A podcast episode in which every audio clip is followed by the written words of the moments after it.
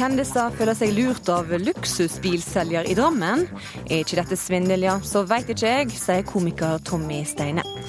Foreldreutvalget mener elever drukner i skolearbeid. La fritid være fritid, oppmoder Eddie Eidsvåg. Vi lurer elevene om vi ikke gir dem lekser, svarer kjernefysiker og rosablogger. Og proffboksing bør være lovlig i Norge, sa unge venstrelederen rett før han slo Arbeiderpartipolitiker rett i understellet. Ukeslutt inviterer til debatt om boksing i bokseringen. Velkommen til ukeslutt. Jeg heter Sara Victoria Rygg, og i denne sendinga skal vi også kjenne litt på Justin Bieber-hysteriet. En rekke kjendiser føler seg lurt av en luksusbilselger i Drammen. Mot å promotere bilforhandleren så skulle kjendisene få kjøre, og så få kjøpe de eksklusive bilene billig, for så igjen å levere dem tilbake og få pengene igjen. Men når de skulle returnere bilene, så var bilselgeren borte vekk. En av de som føler seg lurt, det er komiker Tommy Steine. Ja, Det er flere konsekvenser. Rent økonomisk så ser det ut til at jeg kommer til å gå på en enorm smell. Og rent sånn emosjonelt så har det vært et av, et av de verste årene. Brukt mye penger på sånne folk i hvite frakk det siste året. Det har jeg gjort. Komiker Tommy Steine sitter på en benk på Aker Brygge i Oslo med alvorlig mine. For et par år siden oppsøkte han luksusbilforhandler Geir Bråten hos Autoforum AS i Drammen. Steine ville ha hjelp til å selge et par biler, men endte i stedet opp med en luksusbil og gjeld på 1,5 millioner kroner. Han er en av flere kjendiser som mener de har blitt lurt inn i luksusfella til Geir Bråten, der fristelsene sto på rekke og rad i garasjen. Masse kjente tryner som var der, og det var eh, kjempegod stemning. Og, eh, og, det var gøy. Og vi fikk jo kjøre da disse bilene som vi alle hadde drømt om å få kjøre en gang i livet. Det var nesten sånn gutteklubb der ute som var, som var veldig moro. Men de andre kjente ansiktene ønsker så langt ikke å stå fram. Et tjuetalls norske kjendiser og flere finanstopper står på kundelisten til Autoforum i Drammen. Mot å promotere butikken fikk de løfter om at Autoforum skulle kjøpe tilbake luksusbilene til samme pris som de var blitt solgt for. Mange har prøvd å kvitte seg med de dyre bilene, men butikken er stengt og Bråten er borte. Geir Bråten er nå anmeldt for flere ulike forhold. Ja. Altså Hvis dette ikke er svindel, hvis dette ikke er å lure folk, da, da veit jeg ikke hva som er svindel og hva som er å lure folk. Min klient mener at han ikke har lurt noen. At han har forretningsmessige avtaler med en rekke personer og har forholdt seg til dem så langt han kan. Jon Christian Elden er Bråtens advokat. Bråten selv har gått i dekning etter trusler fra tidligere kunder. Geir Bråten er nå blitt anmeldt av eh, noen av kundene eh, og investor. Eh, hva sier han til det? Vi hører at dette er tilfellet og ser frem til at politiet vurderer om dette er grunnlag for etterforskning, og i så fall at han vil kunne forklare seg for å få avkreftet dette. Men også bankene som lånte ut penger til kundene bærer et tungt ansvar, mener advokat Ole Andreas Trana. Han representerer Tommy Steine og flere av dem som føler seg lurt. De krever at bankene sletter gjelda deres. Bankene har vært helt ukritiske eh, til låneformidlingen som har skjedd gjennom Autoforum. Eh, de har vært ukritiske til verdsettelsen av bilene som er solgt. Eh, de har ikke fått med seg at flere biler også er solgt flere ganger innen bare et år. Og de har heller ikke gjort undersøkelser i forhold til kundene, kundenes økonomi. De har ikke drevet noe frarådnings... De har ikke fulgt frarådingsplikten. Og det hele synes å være en forretningsidé. Dette er kopi av et gjeldsbrev. Men Trond Brakken i Santander mener det er kundene som har lurt dem. Noen av opplysningene på lånesøknadene har nemlig vist seg å være fiktive. Ja, etter min mening så har de visst det. For det på gjeldsbrevet så er det jo dokumentert både hva kjøpspris er, hva egenkapital er og hva lånebeløp er. Så det bør komme klart fram for enhver kunde. Mener du de må ha visst at de lurte dere? Ja, det kan bli opp til retten å avgjøre hvem som kommer seirende ut av denne striden. Tommy Steine har i hvert fall søksmålet klart. Lærepengen er å aldri kjøre en bil som er nyere enn eh, ti år gammel. Det er eh, lærepengen. Å aldri, aldri tro at det som er for godt til å være sant, ikke er det. Det er lærepengen. Jævlig dyr lærepenge. Reporter her var Per Håkon Solberg, Trond Lydersen og Elisabeth Onsum. Og du kan lese, lese mer om saka på nrk.no. Ja eller nei til proffboksing, det er det store spørsmålet som politikerne slåss om. Ukeslutt inviterer til boksekamp om temaet. Den beveger seg ganske fort. Slår ikke så veldig hardt. Både i boksing som ellers i livet så er det mye bedre å være liten og kjapp enn stor og slapp. Men det er litt seinere i sendinga.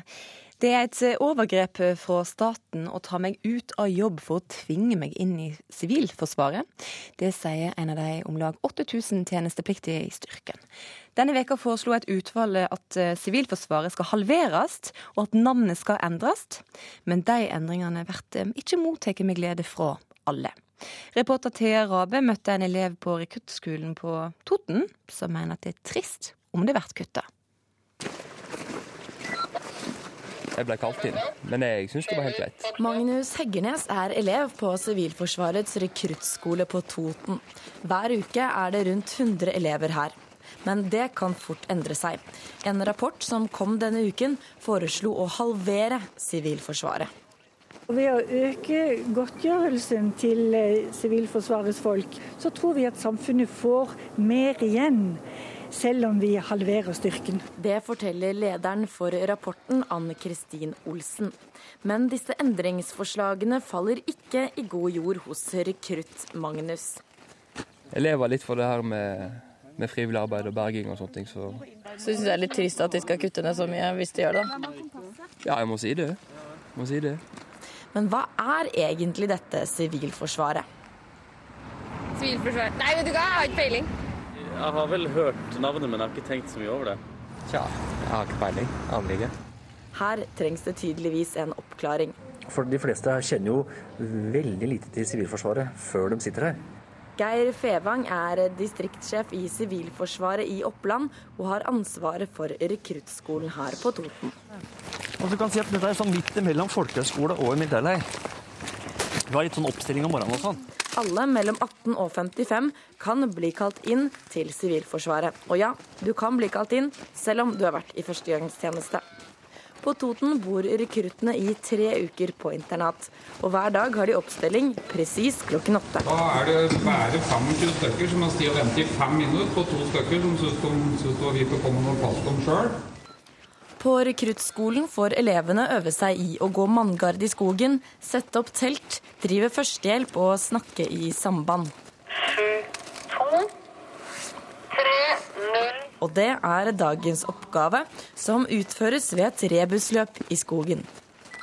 Hva Fant du ut av noe mer nå, eller? Ja, altså, hvis du ser, så var jo denne rømningen der. Mm. Den var jo der oppe. Mm. Så har vi gått ned her. Her er hus. Det er ikke like lett å navigere rundt i skogen ved hjelp av walkietalkier. På laget er vi to hjelpepleiere, en feier, en elektriker og en journalist. Som trasker rundt i snøen med store vernesko, uniform og hatt. er vi helt på vilt da? Vi er jo det. Men det er ikke alle som er like entusiastiske. For Frank Eivind Rundholt er det gledelige nyheter at Sivilforsvaret skal halveres. Å være med i Sivilforsvaret er som å være døgnvakt året rundt uten lønn.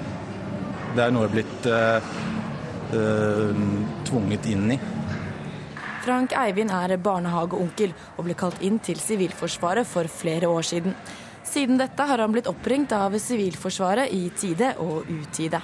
Uh, jeg har vært med på skogbrann. Så har jeg vært med på flom en gang. Der gjorde vi ikke så mye. Der sto vi egentlig og venta. Og det, det er jo heller ikke akkurat så veldig motiverende. På Toten er rekrutt Magnus Heggernes overbevist om at det å kutte i Sivilforsvaret vil være et tap for Norge. Jeg var jo med, med hjelpekorpset under denne Frolandsbrannen, og da så nytten av å være så mange på en så stor aksjon. Det er jo en kostnad, men eh, hvis en eh, tenker eh, 22.07, så blir det litt feil.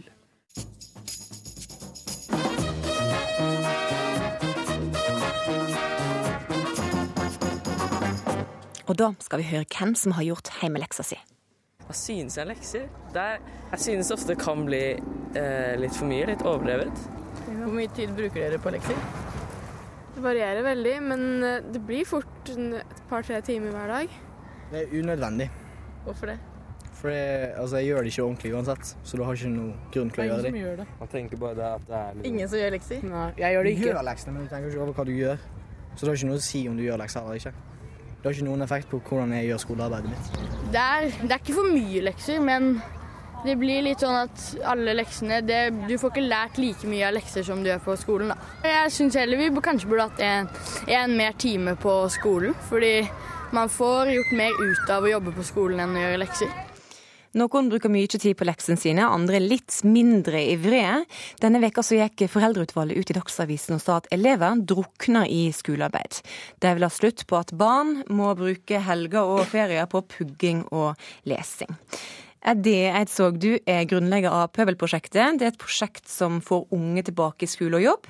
Du er enig med Foreldreutvalget og sier at fritid må være fritid. Hvorfor det? Jeg er veldig enig med skoleutvalget. Skole, la nå skole få lov å være skole. Altså, la, de, la, la, barna få lov å jobbe og lære seg. Altså, er det noe man kan lære der, er det arbeidsmoral. Man jobber fra et visst klokkeslett til et visst klokkeslett. Og så skal man ha fritid og nyte fritida. Er det noe som mangler på skolen, så er det livskompetanse. Undervisning i det å lære seg å leve, leke, være ute og, og, og styre sin tid. Det har det skal ikke elevene det skal de slippe. De skal slippe å ha det på ettertid. I tillegg så er det veldig sånn lite inkluderende. Altså, når, når lekser blir gitt, så, så, øker det skiller. Det øker skillet i samfunnet mellom ressurssterke familier og ressurssvake familier.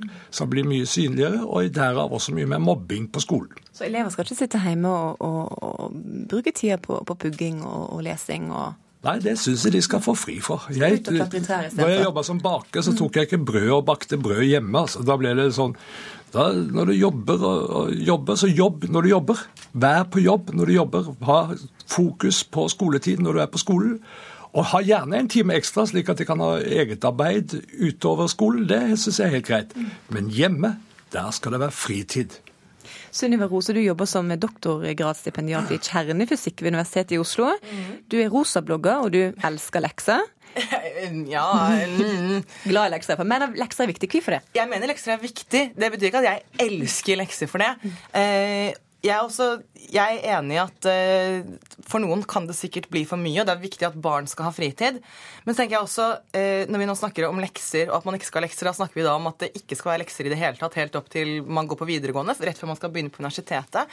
For det, det første jeg tenker, hvis man skal kutte, kutte, ut lekser helt, er jo dette med altså Hvordan skal man da virkelig lære dette med ansvar for egen læring? Og jeg bare tenker hvordan den overgangen skal bli da fra, fra videregående til høyere utdannelse. Hvis du er vant til å tro at når du er ferdig på skolen klokken tre, eller når man er ferdig, da er, det liksom, da er det fri, og da har du gjort det du trenger øh, å, trenger å gjøre. Da vil det bli et enormt sjokk å komme på f.eks. universitetet, hvis du da fortsatt tror at du har vært på to timers forelesning og et seminarundervisning, og da har du gjort det du trenger å gjøre. Altså, Hvordan skal man lære og på en måte å lære seg selv også, da, hvis du ikke skal jobbe med ting på egen hånd. Så her lurer vi elevene, tenker du? Ja, jeg mener at det er litt av å lure elevene. Og så er det selvfølgelig det åpenbare at uh, en del ting må du sitte med på egen hånd også for å finne ut av hva er det du kan, og hva er det du ikke kan. Altså, det, og det er noen ting som, som er ja, må jobbe med også på egen hånd. Det tar tid, og det er noen ting som må, må synke inn. da. Hva tror du om det? det lurer vi elevene hvis vi bare sender deg ut for å leke skolegården? Nei, det syns jeg ikke. For det første, så, Jeg snakker om grunnskole. Altså, Jeg snakker ikke om videregående, jeg snakker om grunnskole, barne- og ungdomsskole, og spesielt på ungdomsskole. Uh, vi lurer ikke elevene ved å si For det er slik det er i arbeidslivet. Nei, det er ikke så, sånn nødvendigvis i arbeidslivet. Det er ja, veldig mange Da vet jeg mange... ikke hvor du har jobbet. Altså, er, altså, hvis, I arbeidslivet er det slik at du jobber fra et visst klokkesett til et visst klokkesett, og så er fritid fritid. Det er arbeidslivets regler. Så du mener at når en, en lærer som da f.eks. For skal, skal forberede undervisning eller rette rette, vanskelige prøver, f.eks. At du sier at nei, men nå, nå, er tiden over, så da, da, blir vi ikke ferdig med dette. Eller f.eks. at du skulle forberede sending uh, hit, sier du at ja, men det skal bare ta denne tiden. Og ja, nå har ikke jeg fått, ikke jeg fått snakket med Sunniva, så da, nei, da ble det ikke noe av. fordi at nå er jeg tiden ferdig. Jeg skjønner at du har vært veldig lite ute, lite ute i arbeidslivet. Sitter du bare og studerer? Jeg studerer. skjønner, Du, vet altså, hva, unnskyld, unnskyld meg. en lærer som, som jobber som lærer Du vet hva, jeg studerer. Hør, en lærer Jeg er som ikke jobber som student. lærer har betalt for å jobbe i fritida. Har betalt med avspasering, med lang ferie fordi en bruker så lang tid. Så det er en del av jobben. Ja, det er Sunniva jobber hardt, men, men det er jo faktisk sånn at det er en god del folk som det- jeg jeg hardt. Ja, det er en god del folk som, som, som, som svarer på mail, eh, forbereder seg til et møte og, og Er ikke det en form for å gjøre lekser òg når, er når en er i arbeidslivet? Nei, det er ikke en form, for, det er en del av arbeidet. Altså, det er alltid til hva arbeidsinstruksen din sier. Ja, men det er en del av poeng- skolen mitt å øve poeng på er ting at også. Barn, mitt poeng er at barn på skolen aldri De har ikke én time om livskompetanse på skolen. Om det å leve. Altså Når du møter en livskrise, så nytter det ikke at man da kan si Oi, nå har jeg det vanskelig. Men jeg kan min algebra, så da er alt greit. Altså Det nytter ikke. Man må lære seg hva det vil si å leve. Man må lære seg hva det vil si å leve utenfor skolen. Og man har piger død ingenting med å dra skole hjem. Det er ingenting. Det er overlatt ansvar til foreldre. Lærere har betalt for å gjøre jobben på, på skolen, og der bør elevene gjøre jobben sin. Hvordan kan elevene få lov til å, å leve litt og, og oppleve livet litt, hvis de bare skal sitte hjemme og lese? Altså, det virker jo som at, altså, ja, det er veldig fint å skulle lære livskompetanse. Altså, jeg, og jeg er helt enig i at eh, algebra er ikke det som vil hjelpe deg gjennom en eh, livskrise. Det er jo ganske åpenbart, egentlig. Men, eh, men jeg ser ikke helt Altså, Jeg ser ikke på en måte motsetningene der, da. Mellom, eh, mellom det å skulle lære seg å jobbe litt på egen hånd også. Og jeg kan, jeg kan helt klart se utfordringer med lekser, og det kan sikkert brukes på en feil måte. F.eks. dette med å øke skiller. Hvis du gir lekser hvor du er fullstendig avhengig av å få hjelp, da gjerne fra foreldre, så er det klart at så vil det være et problem. Eh, men så det bør jo på en måte være ting som du faktisk kan jobbe med på egen- hånd, da. Men kan ikke lekser være med på å faktisk endre det, det skillet da? Faktisk gjøre at, at de som sliter, jobber ekstra hardt hjemme når de kommer hjem, sånn at de føler seg bedre forberedt når de kommer på skolen dagen etterpå? Ja, ta eksempel på lekser i norsk, da. Hvor vi har så mye nye innvandrere, nye, nye, nye folk i landet vårt som ikke kan norsk, som er dårligere enn barna sine i norsk, så vil skillet bare øke. Integreringen blir vanskeligere og større. Så det bør høre, høre hjemme på skolen. Ja, altså, ja, det, det jeg også, ser jo det, men da må man jo også kunne tilby leksehjelp. Og det tilbys så mange Jeg har ikke fullstendig oversikt over, eh, over det tilbudet, men jeg vet at det fins tilbud, og eventuelt så kan det sikkert være mye bedre. Men også det er litt sånn Det er litt merkelig også å si at fordi at vi har noen som er på dette nivået, så skal ingen bli bedre heller. Eller, fordi Det er liksom greit å si det med skole. Der skal alle være helt like, og ingen skal bli bedre, ingen skal bli dårligere. Men hvis vi da går til f.eks. Til, eh, til ski, så elsker vi jo eh, Marit Bjørgen og Peter Northug. Da, liksom, da er det helt greit innen sport. Da er det fint å på en måte å få Da, da er vi helt enige at noen blir veldig flinke, og andre blir ikke så flinke. Og da er det på en måte greit. Så eh, jeg syns For meg så er det litt Det er et litt merkelig argument. det ville jo vært veldig trist hvis alle ble som Marit Bjørgen. Da var jo ingen som var interessert i å bli interessert i ski. Ja, men jeg mener For hvis det hadde vært lekser på, lekser på det, poenget er at hvis Marit Bjørgen har lyst til å gå på ski, så må hun få lov til det. Og hvis, hvis barn har lyst til å, å virkelig fordype seg i noe fag som de syns er spennende, og gjør det på kveldstid eller ettermiddag, vær så god, sett i gang. La barna få lov du, til det. men hvordan mener du at man skal lære Men hvordan skal man lære f.eks. grunnleggende ting som gangetabellen? Hva sa du? Grunnleggende ting som gangetabellen, bøying av franske verb, mener at det er ting som da Altså, vi skal bare lære livskompetanse, at disse, på en måte, disse dumme tingene de trenger vi ikke å kunne. Altså, det er noen ting som tar litt tid, det må synke inn, du må si, jobbe med det, og det holder ikke bare med den tiden du har på skolen, da. Eh, seriøst så, så, så mener jeg at det er skolen man skal lære det på. Altså, hvis, Jo, men dette er ting du må øve hvis på mine på barn, egen hånd. Hvis mine barn på 12 og 14 år kommer hjem og skal lære, jeg skal lære dem fransk Jeg kan ikke et Nei, men du skal, fransk. ikke, du skal ikke lære Og så skal jeg være med dem. Jo, men det er da slik at man er med og hjelper barna sine på, på Men da sier jeg at leksene må være sånn at man kan jobbe man med det på egen hånd, selvsagt. Det man burde gjøre, det var at man utvidet, sånn som den ene eleven her sa, én time ekstra på skolen. Ja, men det er Der ikke nok. hadde det, hadde det vært Det skal holde lenge. Ja, da tror jeg ikke du har så mye erfaring med skolen. Nei, takk Gud for det. Du er kjernefysiker, eh, Sunniva Rose. Hadde du vært der du hadde vært i dag hvis ikke du hadde jobba litt ekstra med, med, med lekser? Nei, selvfølgelig hadde jeg ikke, hadde jeg ikke gjort det. Og eh, jeg har jo da tydeligvis ikke nok erfaring med arbeidslivet til å si noe om det, men eh, ja, nei, det rekker vi ikke å ta nå. Og er det, Hvor mye lekser leste du når du var liten? Aldri. Jeg gjorde aldri en lekse. Jeg, jeg hata skolen som pesten. Og jeg gjorde aldri en lekse. Og jeg har gründa og starta bedrifter og vært arbeidsgiver i alle år. hvis ikke Og folk jeg hadde har- det er ikke én gründer i dette landet som har skapt en bedrift som har utdannelse. Takk til deg, Eddie Eidsvåg, og til deg, eh, Sunniva Rose. Du hører på NRK Ukeslutt her i NRK P1 og P2. Halv fram med det å høre at eh, Arfan Bhatti har gått fra å være hardbarka gangster til heilag kriger. Hvordan er det mulig, spør hans tidligere samarbeidspartner. Og nyt roen og stillheten rundt deg, for om noen dager så er dette lyden som kommer til å prege Norge. Da tar vi på oss boksehanskene og gjør oss klare for kamp her i Ukeslutt.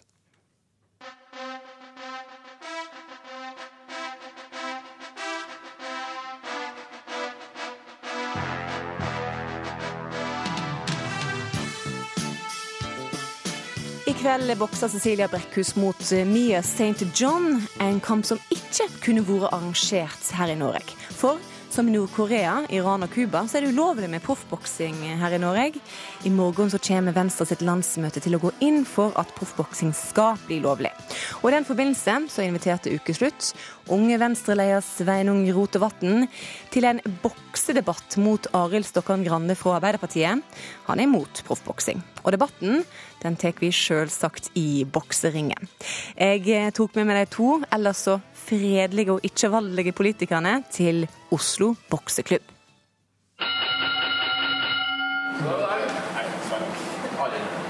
Har du buksa før? Jeg har aldri buksa før. Det er bra. Du har heller ikke buksa før. Det var i hvert fall bra. Velkommen til Oslo bokseklubb. Reglene i denne debatten de er svært enkle. Ett slag er lik ett argument. Du får ikke ord i den debatten før du har slått motstanderen din. Du har kort tid på deg til å framføre argumentet ditt før dommeren setter i gang kampen igjen, så her gjelder det å være rask på foten. Dagens dommer han heter Max Mankovic. Han er sjef for Oslo bokseklubb, og han er streng. Så ikke prøv dere på noe fanterier. Ukeslutt oppmoder til fair play. Ikke avbryt motstanderen din. Og ingen slag under beltestedet. Da regner jeg med at dere har eh, forstått eh, reglene, og jeg sier bare boks i vei. Ta imot dagens boksere. I høyre hjørne med blå shorts. Sveinung Rotevatn, leder i Unge Venstre. Sveinung Tyson Rotevatn. I venstre hjørne med rød shorts. Arild Stokkan Grande, stortingsrepresentant Arbeiderpartiet. Arild Rocky Grande. Boks! OK, vi hilser. Ring klar første runde. Vær så god, boks. Blå. Det må være opp til en sjøl om en ønsker å drive med en sport, også en eh, risikosport. Så lenge det er frivillig, så må det være greit med strenge regler. Boks. Rød. Boksing er en eh, flott sport, eh, og vi vil at det skal foregå i trygge former. Jeg kjenner i hvert fall sjøl at det er veldig bra at man har på seg hjelm, og jeg ønsker at det fortsatt skal være sånn. Boks.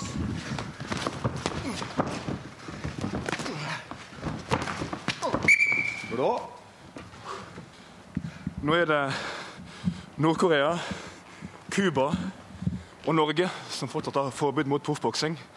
Jeg syns det er en dårlig klubb å være i. Det bør være lov å bokse også i Norge. Boks. Blå. I kveld skal årets idrettsnavn Cecilia Brekkhus bokse i Danmark. Hun er et norsk forbilde og burde få lov å bokse i Norge. Det fortjener hun, og det fortjener Norge. Time. Pause. Ja, hvordan går dette her, Arild? Oi. Det er tøft, og sjøl om han ikke slår spesielt hardt, så eh, kan jeg bare tenke meg hvordan det er når det er profesjonelle folk som slår mot et hode uten hjelm. Så eh, det er synd at Venstre samtidig ønsker å kutte i sykelønnsordningen, når jeg ser hva boksing kan gjøre med den. Hvordan er det å debattere når man er andpusten? Ja, det er en ny opplevelse. og eh, eh, ganske tøft, men det er samtidig artig å få, få eh, både prøve seg med verbale og fysiske svingslag. Ring klar. Andre runde. Boks. Rød. Boksing har alltid vært en arbeiderklassesport. Og vi i arbeiderklassen er også opptatt av at vi skal beskytte hverandre. Det gjør vi med godt beskyttelsesutstyr. Og ønsker en boksesport som er prega av sikkerhet og trygghet. Ring klar. Boks.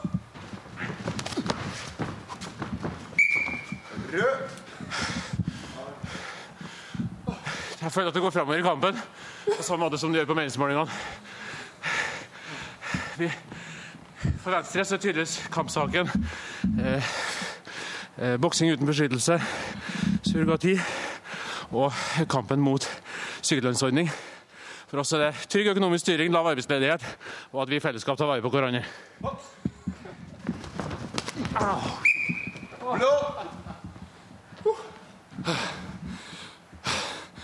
Venstres kamp har alltid vært kampen for den vesle mannen mot det store systemet. Nå møter jeg det store systemet i form av Arbeiderpartiet, og de er i ferd med å gå ned for telling, og det er jeg veldig glad for. Boks. Stopp. Pause. Det går bra. Det går bra. Har du, eh, på film så får de ofte vann i ansiktet når de sitter i Har du lyst på det? Veldig gjerne. Takk. Tredje og siste runde. Boks.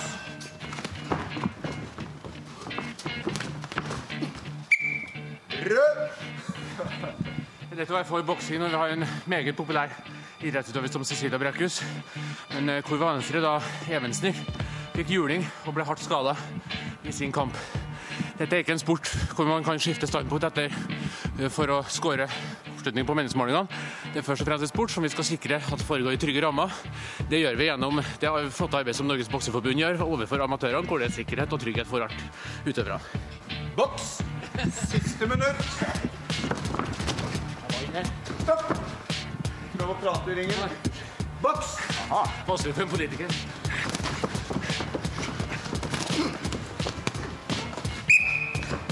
Blå.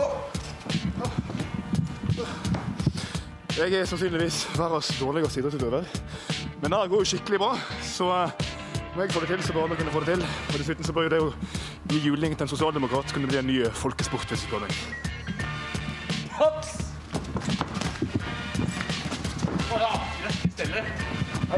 Stopp. Disking. Liten advarsel. Slag under vekten skal ikke lov. Mottatt. Mottatt. Ring klar. Halvt minutt. Boks.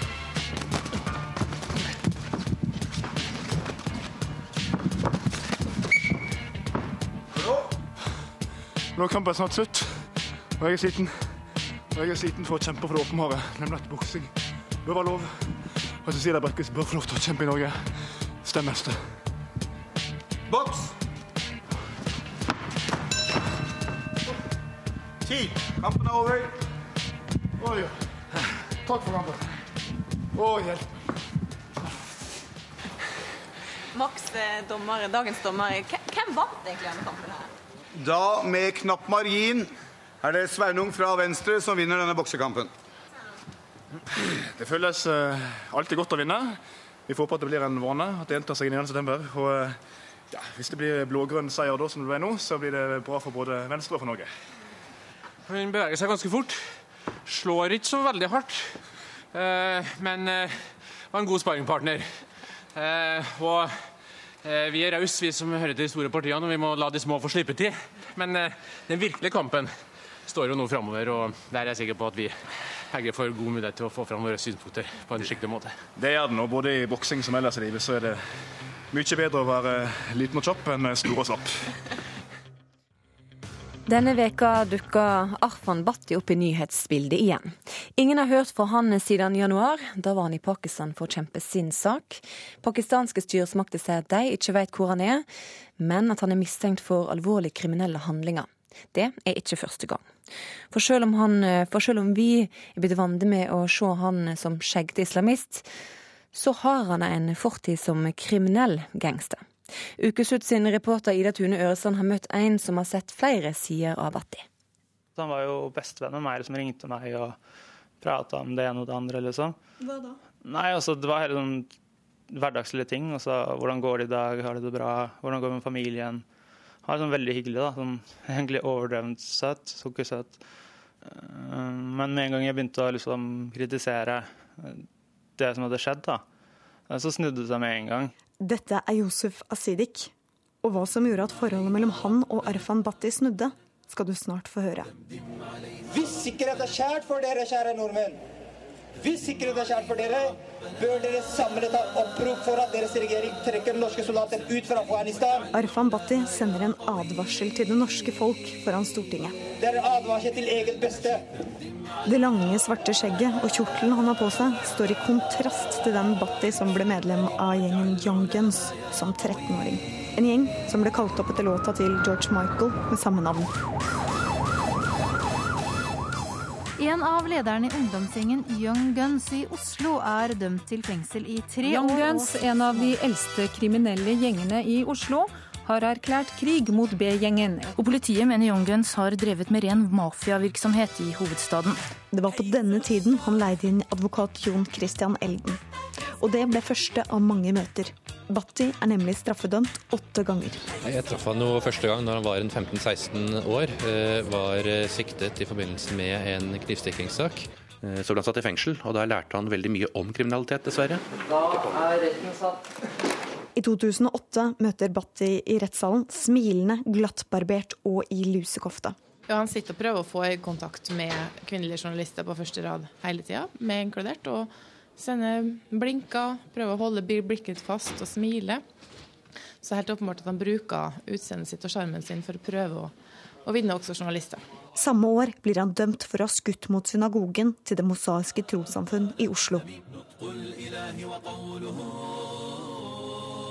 Bhatti har gått fra hardbarka kriminelt gjengmedlem til skjeggete sharia-forkjemper. Hvordan er det mulig? Det har jo endra seg gradvis, og så den har blitt mer en sånn islamsk skikkelse. Men da var han Bhatti, på en måte, følte jeg. Yusuf Asidik ble kjent med Bhatti idet han var i ferd med å bli islamist. Det var i den fasen han begynte å bli veldig ekstrem eh, religiøs, da. Under demonstrasjonen mot karikaturtegningene i 2010 samarbeider Asidik og Bhatti. Jeg konverterte til islam for snart ett år siden, i morgen. Og etter det så begynte vi mektig lei av å bli mobba i media, mobba alle sammen. Og jeg leser om mine gode brødre som jeg har organisert det her sammen med. Jeg leser at de er kriminelle, jeg leser at de er ekstremister. Etter at Asidik har holdt appell, kommer Bhatti bort til han og klapper ham på skulderen og gir ham en klem på hvert kinn. Det var jo tydelig hvem han var, da. Altså, han snakka jo om alle de tingene han hadde gjort før, og alt fra vold til eh, Ja, det å være som kongen av et miljø, på en måte, da. Så det virka som at det var noe han var stolt av, i hvert fall i 2010, da. Bhatti prøvde egentlig å holde seg litt på utsiden, eh, fordi at han visste at bakgrunnen hans ble trukket inn. Men så var det sånn at eh, han og f.eks. Mohildin og noen andre hadde jo liksom en plan fra før da, om liksom denne demonstrasjonen, som de fleste av oss ikke visste om. Når vil norske myndigheter og deres medier forstå alvoret i dette her? Kanskje ikke vi får en 11. september eller 7. juli på norsk jord. Det er ingen trussel, det er en advarsel. Det som skulle bli en fredelig demonstrasjon, ender opp som en advarsel om et 11. september i Norge. Og det ble jo da startskuddet på det som nå er Profetens Umma. Etter demonstrasjonen tar Asidik avstand fra Bhatti. Og det er etter dette at forholdet mellom de to endres. Har Bhatti kommet med trusler mot deg? Ja, det har han gjort flere ganger. Eh, Jeg har hatt ham på døra hjemme og Hva, hva sa han da, når han kom på døra di? Nei, altså Det er det at jeg skal holde kjeft. da. Altså at, eh, at det blir konsekvenser hvis jeg fortsetter å prate om, om både han og miljøet som han var med på å starte. da. Det er én spesiell episode Asidik husker ekstra godt. Vi var på Oslo S, og så så jeg da Batti. Og så tok han opp telefonen og ringte. da. Jeg tenkte ikke noe særlig mer over det. Og Så gikk jeg på toget til Holmlia, og så kom han og noen kamerater av han. da, Så stelte de seg en ring rundt meg, så dytta de meg frem og tilbake og, og sa at, eh, at nå må du skjerpe deg, liksom. Hvis ikke så så ja, Han sa jo ikke noe konkret, egentlig, men han fikk liksom inntrykket da, at eh, neste gang så gjør de mer enn å bare dytte meg, liksom. Er du redd for Botte? Ja, det er jeg. Altså, han er kanskje en, en, av de eneste jeg faktisk er redd for, som faktisk kan gå fra det å, å si noe til å gjøre noe. De siste årene så har jo han vært, uh, holdt seg unna det kriminelle i Norge og gått over til religion i stedet for. Og så vet jeg det er en ganske sterk offentlig debatt blant mannene i gata om det er en fordel eller ulempe. Det sier Battis advokat Jon Christian Elden. Hva sier han selv da om denne endringen? Eh, han sier at han har endret seg villig fordi han ønsker å komme bort fra kriminelle handlinger, og heller fant støtte i eh, troen. I 2007 sitter Batti i varetekt for skuddene mot synagogen i Oslo. I et intervju med NRK forteller han hvordan det påvirker han å sitte i fengsel. Når du blir urettferdig behandlet, eller du føler at du blir urettferdig behandlet, eh, det gir næring til hat. Det er det som skjer. Og når du sitter, når du sitter alene på cella hele tiden, 23 timer av døgnet, så gjør det noe med deg. Å isolere mennesker og sette dem i uvisshet, det er ikke å eh, Man kan ikke forvente at de kommer som, en, eh, som et bra menneske ut i samfunnet da. Man må, man må tilrettelegge for dem. Kanskje ga Battias forklaringen her. Postdoktor ved Høgskolen i Oslo og Akershus, Lars Gule, sier fengselsoppholdet kan være noe av grunnen til radikaliseringen. Det vi vet, det er at i noen sammenhenger, ikke minst i Storbritannia, så har aktive islamister gått inn for å rekruttere fanger. Det kan jeg ikke si at er det som har skjedd med Batti. Når det gjelder dette miljøet som han er en del av, profetens umma, så er det flere med en eh, kriminell eh, fortid. Og noen vil vel si at de er ikke engang ferdig med sin kriminelle løpebane.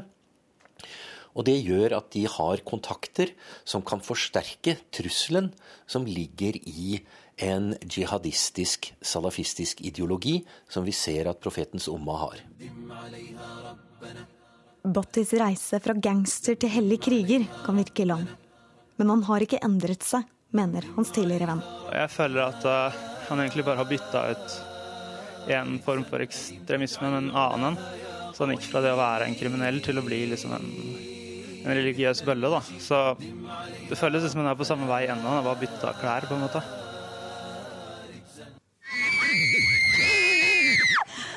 Er det som er så bra med ham?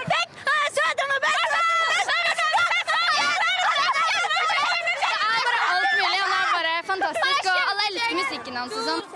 Baby, baby, baby, oh, like baby, baby, baby, no, like baby, baby, baby, oh, I thought you'd always be mine, mine. Du hadde kanskje glemt denne lyden, eller muligens fortrengt den. Mange har lyden av hylende tenåringsjenter frist i minne. For det er om lag ett år siden eh, sist gang Justin Bieber var i landet. 49 personer ble skadd, og det var kaos i gatene i hovedstaden da tusenvis av jenter jakta på et glimt av sin store, store helt. Tirsdag er det på'n igjen, for da kommer Justin Bieber til Norge for å synge og danse for fansen. Reporter Knut Erik Solhaug, du eh, står nå utenfor Royal Christiania hotell i Oslo sentrum, der Justin Bieber bodde sist gang han var i Oslo. Da var det jo helt hysterisk masse jenter utafor. Eh, tør de å huse han i år òg når han kommer? Ja, det, er, eh, det jeg har fått eh, blitt fortalt, er jo at han denne gangen ikke skal bo i Oslo sentrum. Sikkert da for å unngå like kaotiske tilstander som mai i fjor.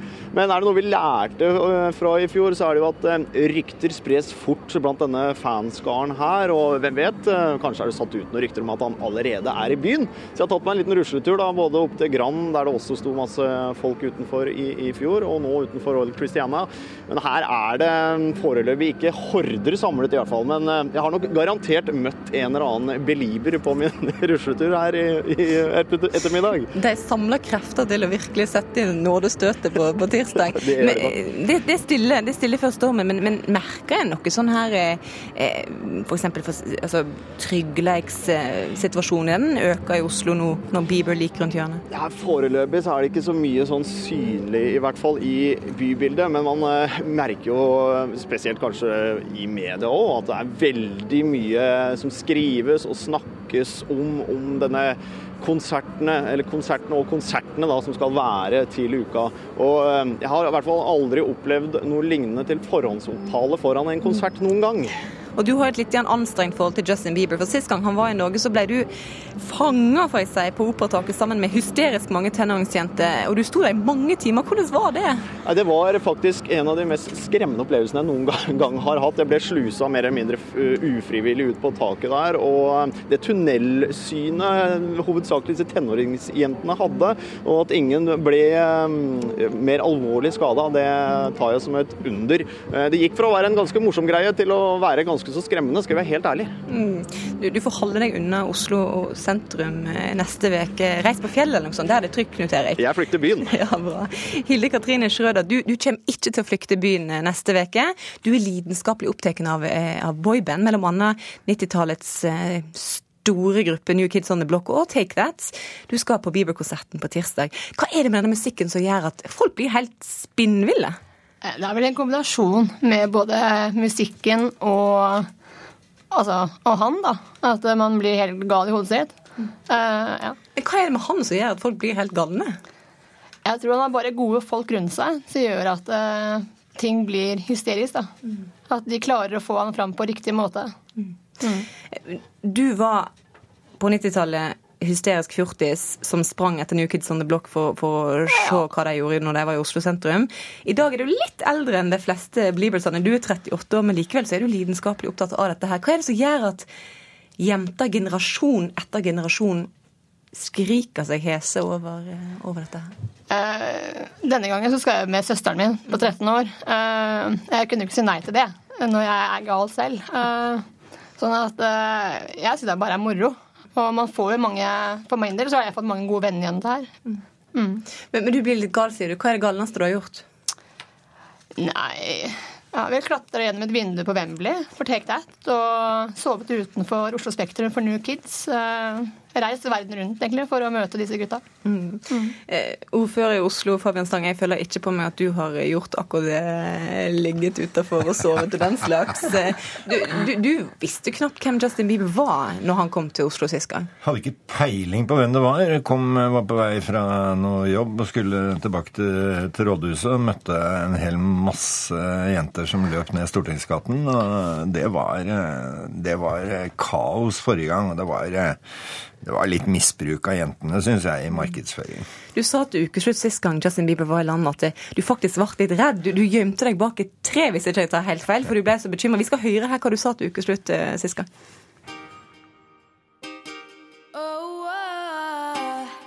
Nei, jeg blir litt fascinert av det at noen klarer liksom å på en måte lage en Beatles-stemning igjen. Det syns jeg i grunnen er litt ålreit, jeg. Men, eh, men eh, litt nervøs ble jeg vel over at eh, noen av dem ikke var mulig å snakke til. Jeg tror politiet rett og slett hadde problemer med å kommunisere med dem. Kan du beskrive det jentehylet? Ja, det var, det var hyl som jeg skulle ønske jeg hadde hørt når jeg var, eh, var 17-18. Men har du, noe, har du noen eh, Bieber-favoritt? Nei, nå er min favoritt at jeg vet at han heter Bieber, og så skal jeg høre på melodien etter hvert. Han går og nynner 'baby, baby, baby', oh. Det.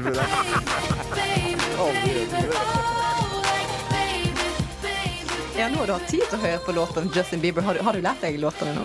Jeg har i hvert fall eh, lært meg at eh, det kan ikke være tekstenes innhold som gjør at jentene blir fascinert, for det er ganske så platt. Men, eh, men det at noen er forelsket og fascinert, det, det skal ikke vi andre overprøve. Det er, det er opp til jentene å gjøre. Det jeg er opptatt av nå, er jo at vi får sikkerhet i forhold til jentene. Jeg var jo ikke redd for meg selv, men jeg var virkelig ordentlig bekymret for de stakkars jentene som løp nedover. Hadde én falt, så kunne vi fått alvorlige skader der òg. Ja, for det, er jo faktisk ganske alvorlig som skjedde der. Det var mange som ble skadd, og, og foreldre var hysteriske og bekymra. Hva, hva skjer denne gangen? Nei, nå, altså Forrige gang så tror jeg rett og slett eh, jentene ble brukt i den forstand at man sendte ut meldinger for å, for å lage show rundt det. Nå tror jeg arrangørene tar dette på det største alvor, ønsker å gjennomføre tre konserter. Den gode nyheten er at jeg tror ikke Bieber kommer før på tirsdag. Det er blitt lovet. Eh, gjennomføre tre konserter med godt vakthold eh, og eh, passe på at, eh, at det ikke blir, blir sånn at jentene løper fra sted til sted i byen. Hilde Katrine, hvordan tror du det blir eh, når Justin Bieber lander i Norge? Jeg tror det blir hysteri. Eh, Men ikke sånn som sist. Det Hvorfor ikke? Nei, for nå er det mer ordna forhold. Det er konsert. Det er eh, Ute ved arenaen så vil det være vakthold overalt. Men at folk kommer til å bli svime på inne på arenaen, det er jeg helt sikker på. Men det hjelper jo liksom ikke at ordføreren i Oslo sier nå må dere slappe litt grann av, jenter. De er jo hysteriske likevel. Hva, skal en si? Du har vært en sånn hysterisk eh, tenåring og er til en viss grad litt hysterisk ennå. Men man kan nesten ikke si noen ting. For altså, er man ikke en del av det, så skjønner man det nesten ikke. Uh, ja, men at folk kommer til å prøve å finne ut hvor han bor, eh, at de kommer til å løpe fra hotell til hotell, det er jeg helt sikker på. Mm. Nei, Jeg tror ikke jentene er overtalbare til å ta det med ro. Jeg tror vi må ta utgangspunkt i at de er eh, i, en form for transe, og så må vi andre sørge for at de blir tatt godt vare på. For oss som, som ikke er inne i denne her transen, da, så virker det jo rart. Men du sier likevel at det, det kommer ikke godt ut av denne her perioden. Hva, hva er det som kommer godt ut av dette? Nei, altså Jeg reiste mm, på 90-tallet til Stockholm for å se New Kids, og der traff jeg en av mine beste venninner i dag. Eh, sånn at man, man får noe godt ut av det òg. selv om jeg er gal ennå, så er det ikke alle som er det. altså. Og eh, damene var jo, de hylte og skrek når det var, var Beatles-konserter. Ja, ja, ja, ja det, er, det har vi hatt, men nå satt jeg plutselig og tenkte på det er litt synd på alle de gutta her i landet da, som eh, nå får så utrolig hard konkurranse fra han Bieber. Jeg håper noen av jentene klarer å få seg noen norske kjærester. da. Men han er her bare tre dager, da. Ja, det er Men rekker ikke å bli, rekker ikke å bli kjæreste med han. Men, men hva, hva gjør du på tirsdag når, hvis søstera di på 13 blir hysterisk Bieber? Altså, jeg, har valgt bevisst å sitte, ha sitteplasser. eh, og vi skal ta en av disse bussene, uh, Biberekspressen, til eh, arenaen. Sånn at eh, hun eh, er under gode forhold. Eh, men eh, det blir spennende å se på alle de andre, syns jeg, da. Hvordan disse som har ståplass, kommer til å reagere. Og, og eh, hva er ditt siste råd til, til eh, lytterne for at Oslo by skal fremdeles eh, være en by etter at Bieber har dratt, Fabian Steng? Ja, det tror jeg rett og slett er at foreldrene til mange av jentene må, må bli med eh, for å sørge for at ikke bare vaktmannskapene, men, men også foreldrene blir engasjert på en sånn måte at, at ingen blir skadd. Det er jeg veldig opptatt av. Sikkert mange foreldre som blir kjempeglade for å være med på Justin Bieber-konsert. Ja, men har vi barn, så har vi barn. Skal du, skal du eh, rømme, rømme byen? Nei da, jeg skal, ingenting skal klare å få meg til å rømme Oslo. Det her skal det være plass til alle. Kommer han for å hilse på, så skal jeg ta han imot. Eh, Men da må jeg bare ha et bilde av han på pulten, så jeg vet hvem det er. Takk skal du ha, Fabian Stang. Og så får du kose deg masse på, på konsert sammen med søstera di, Hilde Katrine Schrøder. Og da kan kanskje du, statsmeteorolog Kristen Gislefoss, fortelle oss og Bibersane hva vær de får på konserten på tirsdag? Ja, Da er jo det litt langt fram, for nå skal jeg bare ha kommende døgn. Men eh, det ser vel ut som det kan, vi kan gå en mer ustabil periode i møtene nå. Men i hvert fall så er det i dag lokalt stor gress- og lyngbrannfare i områder av Hordaland og Rogaland som ikke har snø. Og fra søndag ettermiddag lokalt stor snøskredfare på Vestland sør for Stad. Og når det gjelder temperaturene, så ventes de å stige i Sør-Norge kommende døgn, og i Nord-Norge på Spitsbergen uendret eller litt stigende. Og fjellet i Sør-Norge får skiftende bris, og de østlige områdene etter hvert opphold og lettere skydekke. Ellers så blir det opphold og noe sol. Og fra søndag formiddag sørøstlig får utpå ettermiddagen sørlig stiv kuling utsatte steder. Kan hende liten storm utsatte steder i nordvest og i nord. Og li, så blir det noe nedbør som snø, men det blir liten nedbør i nord og øst. Og Østland får skiftende bris. I vestlige områder stort sett opphold og perioden med sol. I øst gradvis stort sett opphold og lettere skydekke. Fra sent søndag formiddag økende sørlig bris, utover ettermiddagen liten kuling utsatte steder. Fra om ettermiddagen litt regn av og til. Og Telemark og Sørland får skiftende bris, opphold og perioder med sol. Og søndag økende sørøstlig bris, fra om formiddagen liten kuling utsatte steder. Og så, dreier, så dreier vinden sørlig utover ettermiddagen. Det blir regn først i vest til å begynne med snø i høyden. Avtagende nedbør søndag kveld. Og Vestland sør for Stad fra natt til søndag sørøstlig stiv kuling og stort sett opphold. Søndag sørøstlig sterk kuling, sørlig liten storm utsatte steder. Etter hvert regn, lokalt mye nedbør. Møre og Romsdal Trøndelag opp til sørvestlig frisk bris på kysten og stort sett pent vær. Natt til søndag sørøstlig frisk bris utsatte steder, opphold. Fra søndag formiddag sørøstlig opp i sterk kuling utsatte steder, etter hvert regn, først i Møre og Romsdal. I Nordland sørlig frisk bris og litt snø i grensetraktene. Søndag sørlig liten kuling på kysten, stiv kuling på kysten av Helgeland. På Helgeland så ventes regnbyger på kysten, ellers opphold i resten av området sluddbyger. Søndag kveld opp til sørøstlig sterk kuling med regn. Og Troms sørlig frisk bris og litt snø i grensetraktene. Fra søndag ettermiddag sørvestlig liten kuling på kysten med sluddbyger. Og søndag kveld sørøstlig østlig frisk bris, og da blir det opphold. Og Finnmark sørlig frisk bris, søndag kveld kortvarig sørvestlig liten kuling på kysten og Vest-Finnmark. Pent vær på kysten, litt snø i indre strøk. Og Nord-Tyskland på Spitsbergen skiftende bris og opphold. Og det var alt fra Meteorologisk institutt. Ukeslutt er over for i dag. Ansvarlig for sendinga var Aksel Wilhelm Due. Per Ivar Nordahl styrte teknikken, og jeg heter Sara Victoria Rygg. God helg.